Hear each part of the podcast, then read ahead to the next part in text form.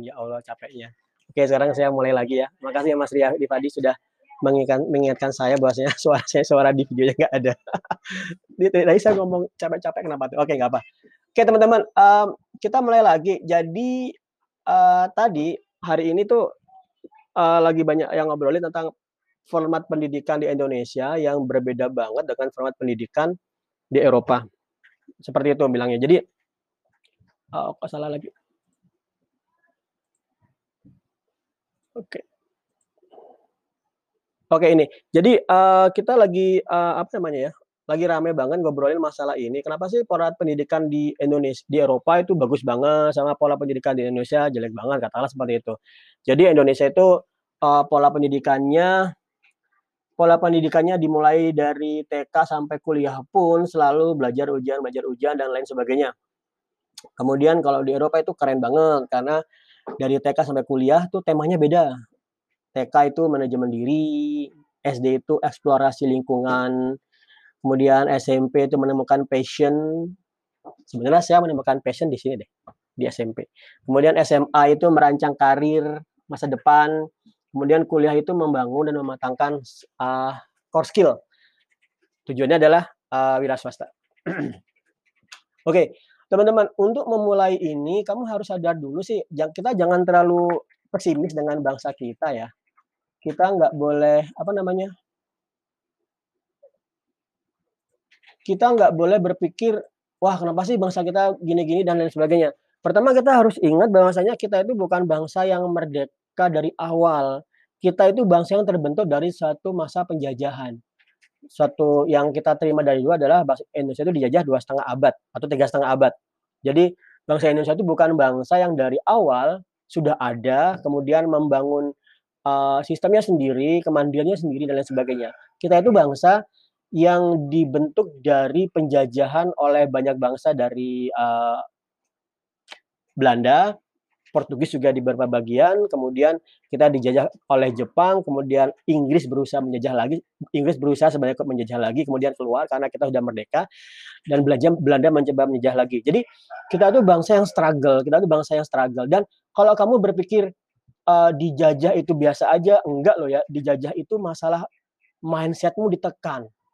Bahkan kalau kamu dahulu kita ya kita, bahkan kalau kita dahulu mau pakai bahasa aja kita kita nggak tahu bahasa mana yang dipakai karena kita uh, saya itu terpecah-pecah.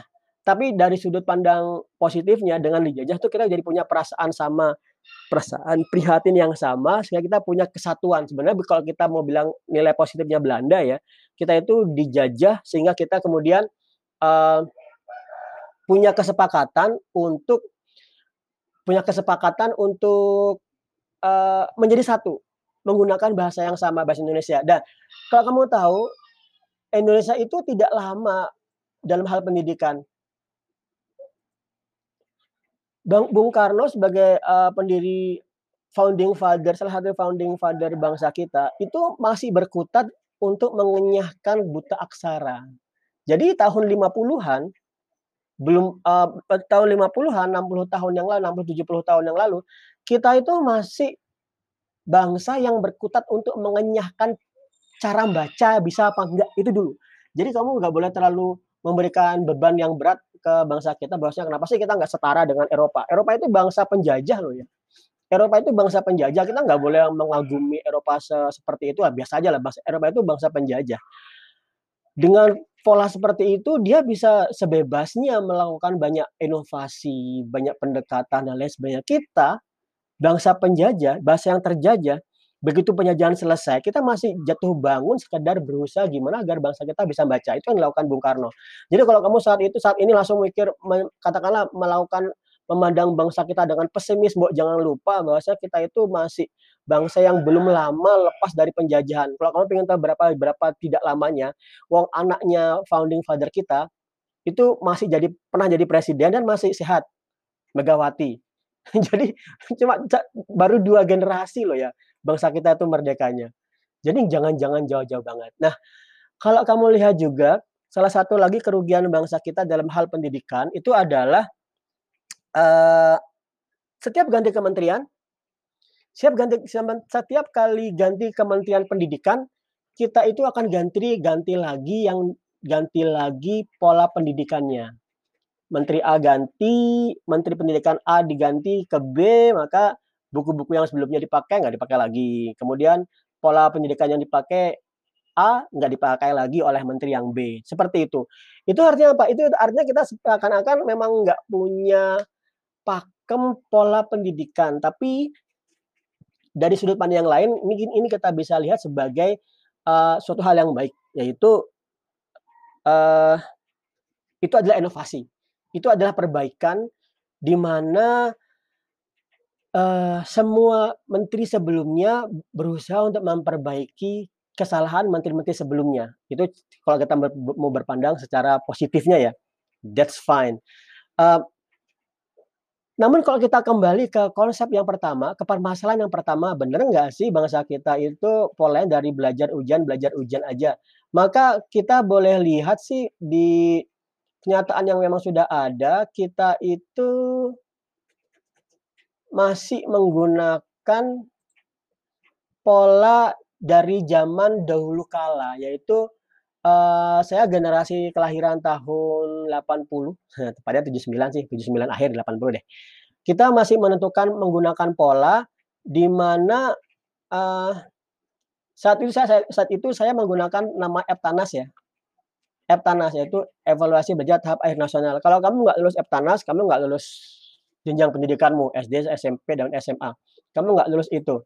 Nah, it, pola ini sebenarnya tetap ada dari pola sebelumnya tahun 72 sampai 79. Bedanya dulu per sekolah, sekarang per nasional.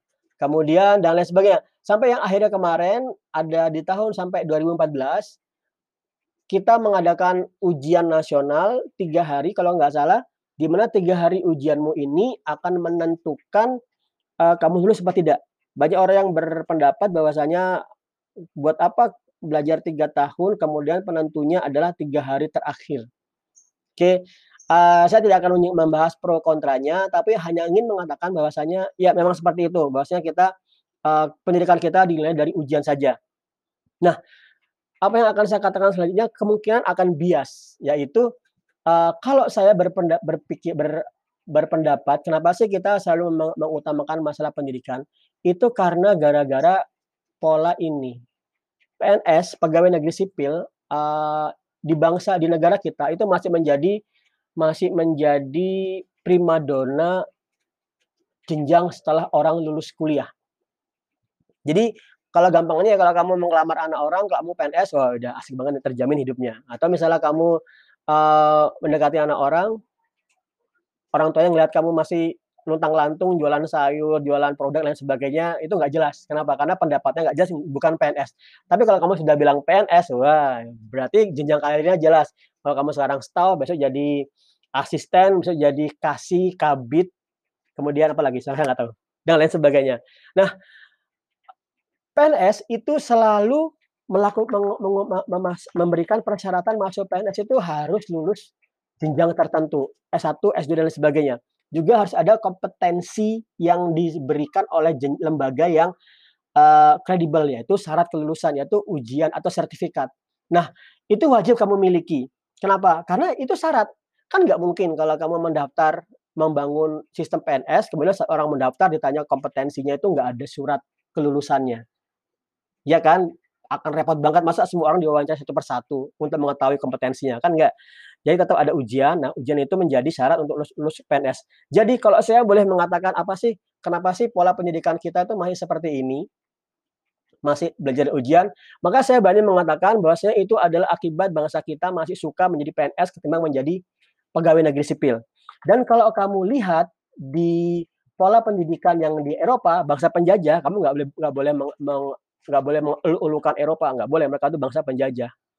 Oke, bangsa penjajah ini punya pola pikir mempersiapkan tiap negaranya, tiap uh, citizennya untuk menjadi entrepreneurship. Kamu lihat dari awal, dari awal mereka itu uh, membuat anak-anak itu untuk ATK ya, kemampuan manajemen manajemen ini masalah disiplin di Jepang kemudian seperti itu. Dan Jepang juga kamu nggak boleh nggak boleh memandang Jepang berlebihan. Jepang itu negara penjajah yang lebih parah lagi. Oke? Kemudian eksplorasi lingkungan. Berarti untuk mengenalkan dunia sekitarnya. Yang paling menarik di SMP yaitu menemukan passion. Nah uh, saya boleh ngulang kok saya boleh ngulang pendidikan saya sendiri. Di SM, di SMP saya menemukan passion saya di coding. Tapi itu kenapa bisa terjadi? Karena di SMP saya masuk di sekolah yang tidak favorit Padahal saya dulu SD nilainya tinggi bagian bagian Eptanasnya, sehingga pada saat saya masuk SMP saya bisa menjadi juara satu, ujiannya gampang bisa lewati. Namun saya juga punya waktu banyak untuk eksplorasi diri, menemukan passion saya di dunia coding. Nah, saya setuju dengan format pendidikan seperti ini karena pada dasarnya kamu harus merancang karirmu sendiri. Jangan patuh pada karir yang sudah ditetapkan ditetapkan oleh dunia sosial. Misalnya sosial itu uh, lingkungan sosial mengatakan paling bagus adalah jadi PNS. Itu uh, format sosial, format sosial yang nggak usah kamu ikutin. Yang harus kamu lakukan adalah kamu rancang karirmu sendiri. Bagaimana cara kamu bisa merancang karirmu sendiri? Kamu harus menemukan passionmu. Bagaimana kamu menemukan passionmu? Kamu harus tahu dunia sekitarmu. Bagaimana kamu tahu dunia sekitarmu? Kamu harus tahu dulu dunia dalammu, yaitu di dirimu sendiri. Nah, pada saatnya kuliah nanti, pada saat pada saatnya kuliah nanti yang kamu lakukan adalah kamu sudah punya passion yang ingin kamu capai dan kamu sudah punya rancangannya. Saat kuliah sebenarnya kamu langsung melakukan rancanganmu itu. Sebenarnya jadi saat kuliah sebenarnya kalau dari bangsa kita, saat kuliah itu mulai orang dilihat diajak untuk melihat karir. Seharusnya bagi saya salah. Karir itu ditemukan dengan passion, sehingga saat kuliah lakukan cara untuk menembus passion itu dalam bentuk karir. Nah, teman-teman, jadi kalau kita melihat di sini, uh, kembali ke masalah pendidikan kembali tahun 2013 sebenarnya sudah menarik loh ya. 2013 itu mulai ada kurikulum yang digabung menjadi kurikulum tematik di mana satu narasi soal itu bisa menjawab beberapa beberapa terdiri dari beberapa mata pelajaran itu udah menarik banget. Kenapa? Karena kita lihat uh, berusaha men, berusaha melakukan sinkronisasi terhadap holistik ya, memandang materi secara holistik, secara keseluruhan agar agar anak-anak itu bisa melihat, bisa menggunakan pelajaran-pelajaran terpisah-pisah menjadi satu kesatuan. Ini berbeda dengan dengan saya zaman uh, kuliah zaman zaman pendidikan dasar dulu, zaman pendidikan dasar dulu kita hanya pelajari PPKN, PPKN aja, matematika, matematika aja. Kalau sekarang udah dicampur udah bagus. Nah, yang kurang dari bangsa kita sebenarnya cuma masalah waktu. Saya yakin banget ini cuma masalah waktu. Kita akan menjadi lebih baik dari bangsa penjajah itu Eropa, Amerika dan lain sebagainya, kita akan bisa lebih baik daripada bangsa, bangsa penjajah itu dan kita akan bisa menjadi menemukan pola kita sendiri. Kita jangan lupa bahwasanya uh, konsep pendidikan bangsa kita itu oke okay banget loh ya dari dari Gajah Dewantara. Gajah Dewantara itu uh, mengajarkan anak-anaknya untuk uh, melihat, meniru dan tambahkan. Niteni Niro Ake nambahi. Jadi uh, niteni berarti eksplorasi eksplorasi sekitarnya, kemudian niru setelah kamu eksplorasi kamu tiru, kemudian setelah kamu tiru kamu tambahin. Uh, kalau kamu sebagai pengajar, pasti kamu akan berusaha untuk menurunkan semua yang baik dari dirimu ke siswamu, sehingga kemudian siswamu bisa menambahi dari uh, apa yang sudah kamu berikan tadi. Jadi teman-teman kalau sekali lagi ingin saya uh, tekankan kita nggak usah khawatir lah dengan yang ini nih, nggak usah nggak usah nggak perlu dikhawatirkan. Dan kami nggak perlu sekali lagi nggak perlu membanggakan bangsa Eropa yang bangsa penjajah memiliki waktu ratusan tahun untuk mengembangkan sistem kita. Kita baru struggle, kita baru struggle, kita akan menemukan, kita pada akhirnya akan menemukan cara sehingga nanti raport sudah seperti yang sekarang. Kalau dulu raport itu nilainya sakral banget. Bagi saya dulu zaman saya sekolah dasar raport itu sakral banget. Saya ingat banget kalau orang tua ngambil raport itu deg-degannya luar biasa atau mengharap agar nilai rapotnya bagus dan lain sebagainya karena karena saya akan raport itu tujuan akhir. Uh, saat ini saya mem, saya mengajarkan anak-anak saya nggak seperti itu. Anak-anak saya ajarkan untuk eksplorasi deh apa yang kamu suka. Kalau anak saya yang laki-laki suka coding, eh, suka coding gaming, silakan aja coding. Yang penting waktu sholat dan waktu belajar uh, ngajinya jalan nggak apa-apa nilai pelajarannya nggak harus juara satu, nggak juara satu nggak apa-apa. Kenapa ya? Kenapa juga nggak juara satu nggak apa-apa? Karena saya tahu zaman saya sekarang di zaman ini Dulu teman-teman SMA ada satu di SMA saya ya, ada teman SMA yang zaman dulu SMA itu nggak terkenal sama sekali, sekarang jadi bisa dikatakan jadi pejabat. Atau yang sebaliknya, dulu yang terkenal banget, sekarang jadi biasa-biasa aja. Jadi sebenarnya ranking itu, eee, skip-skip aja deh, ranking itu skip-skip aja. Bagi saya pribadi, kalau mau anak dipandang, eee, sukses apa tidak, minimal dia bisa matematikanya bagus, oke, karena itu masalah logik. Kemudian bahasa Inggris, itu kan bahasa bahasa apa namanya, bahasa internasional, bahasa untuk persatuan, bahasa kamu komunikasi.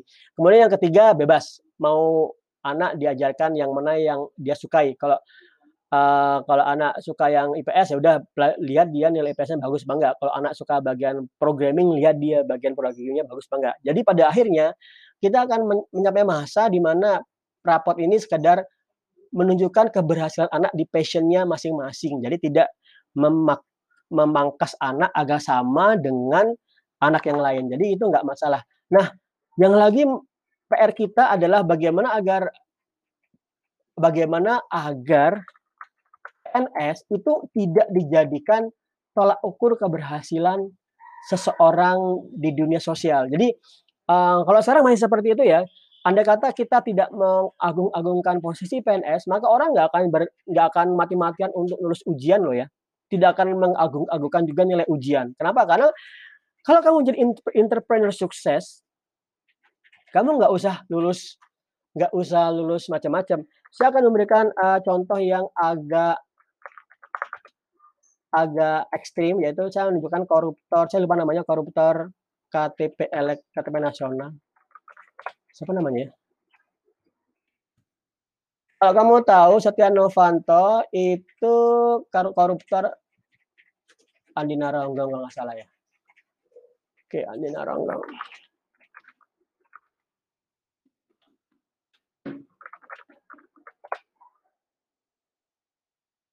Oke. Ini kita akan ngelihat contoh yang buruk, tapi contoh buruk itu, eee, contoh yang buruk itu harus kita jadikan contoh yang baik, kenapa? Andi Narogong di sini dikatakan dia nggak lulus SMA, berarti dia nggak lulus ujian, entah karena apa. Kemudian juga oh sorry, kayaknya contohnya jelek banget ya, eh oke saya selesaikan selesaikan dulu aja. Dengan posisi dia nggak lulus ijazah, dia punya dia punya kecerdasan untuk menipu bangsa kita sampai total dengan Setia Novanto 6 triliun. Itu berarti apa? Berarti berarti kesuksesan, tanda petik ya, kesuksesan itu tidak berdasarkan pada ijazah. Atau kalau kita lihat lagi, Bu Susi deh, kok saya pakai contohnya koruptor ya. Bu Susi itu berhenti di kelas 2. Intinya dia nggak lulus kuliah juga, nggak lulus SMA juga.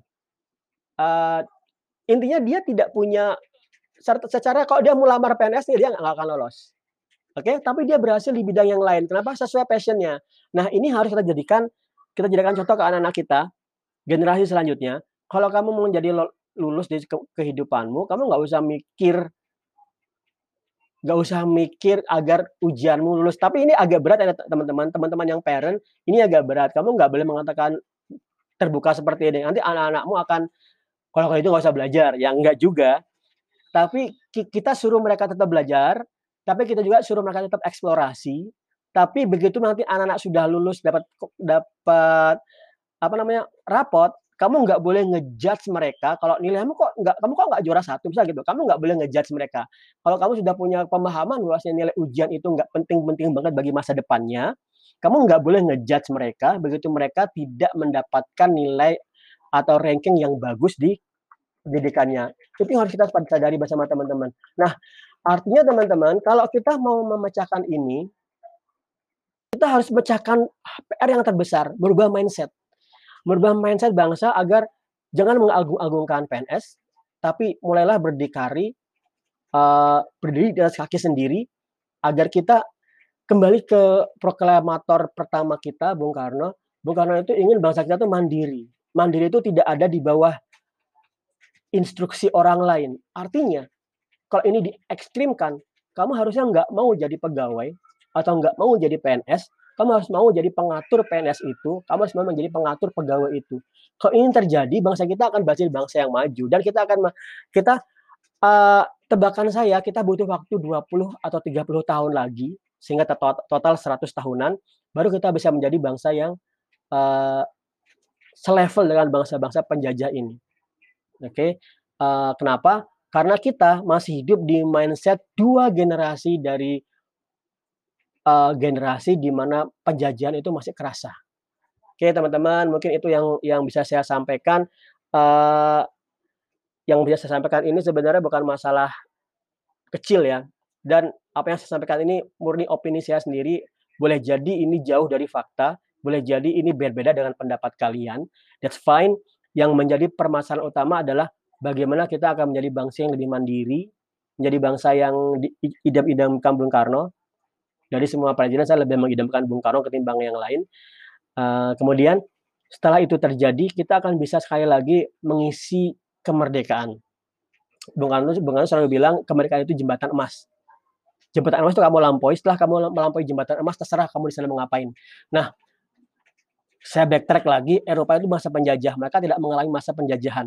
Mereka yang membuat penjajahan, sehingga mereka sudah ada di setelah jembatan emas itu, mereka udah bebas ngapa-ngapain. Kita baru bertatih-tatih, generasi yang masih ada di jembatan kemerdekaan itu masih hidup loh ya. Jadi masih belum jauh dari zaman penjajahan, sehingga kita harus sekali lagi harus memandang bangsa kita lebih positif dan jangan sampai kita memandang bangsa kita negatif dalam hal pendidikan. Oke, semangat teman-teman dan semua orang punya stakeholder di bidang pendidikan ini, orang tua punya stakeholder, siswa punya stakeholder, uh, kalian yang punya lembaga formal pendidikan punya stakeholder dan semua orang berkontribusi agar kita menjadi bangsa yang mandiri. Oke teman-teman, thank you dan semoga bermanfaat untuk menjawab format pendidikan di Eropa dibanding dengan format pendidikan di Indonesia atau format pendidikan bangsa penjajah dibanding dengan format pendidikan bangsa terjajah. Thank you.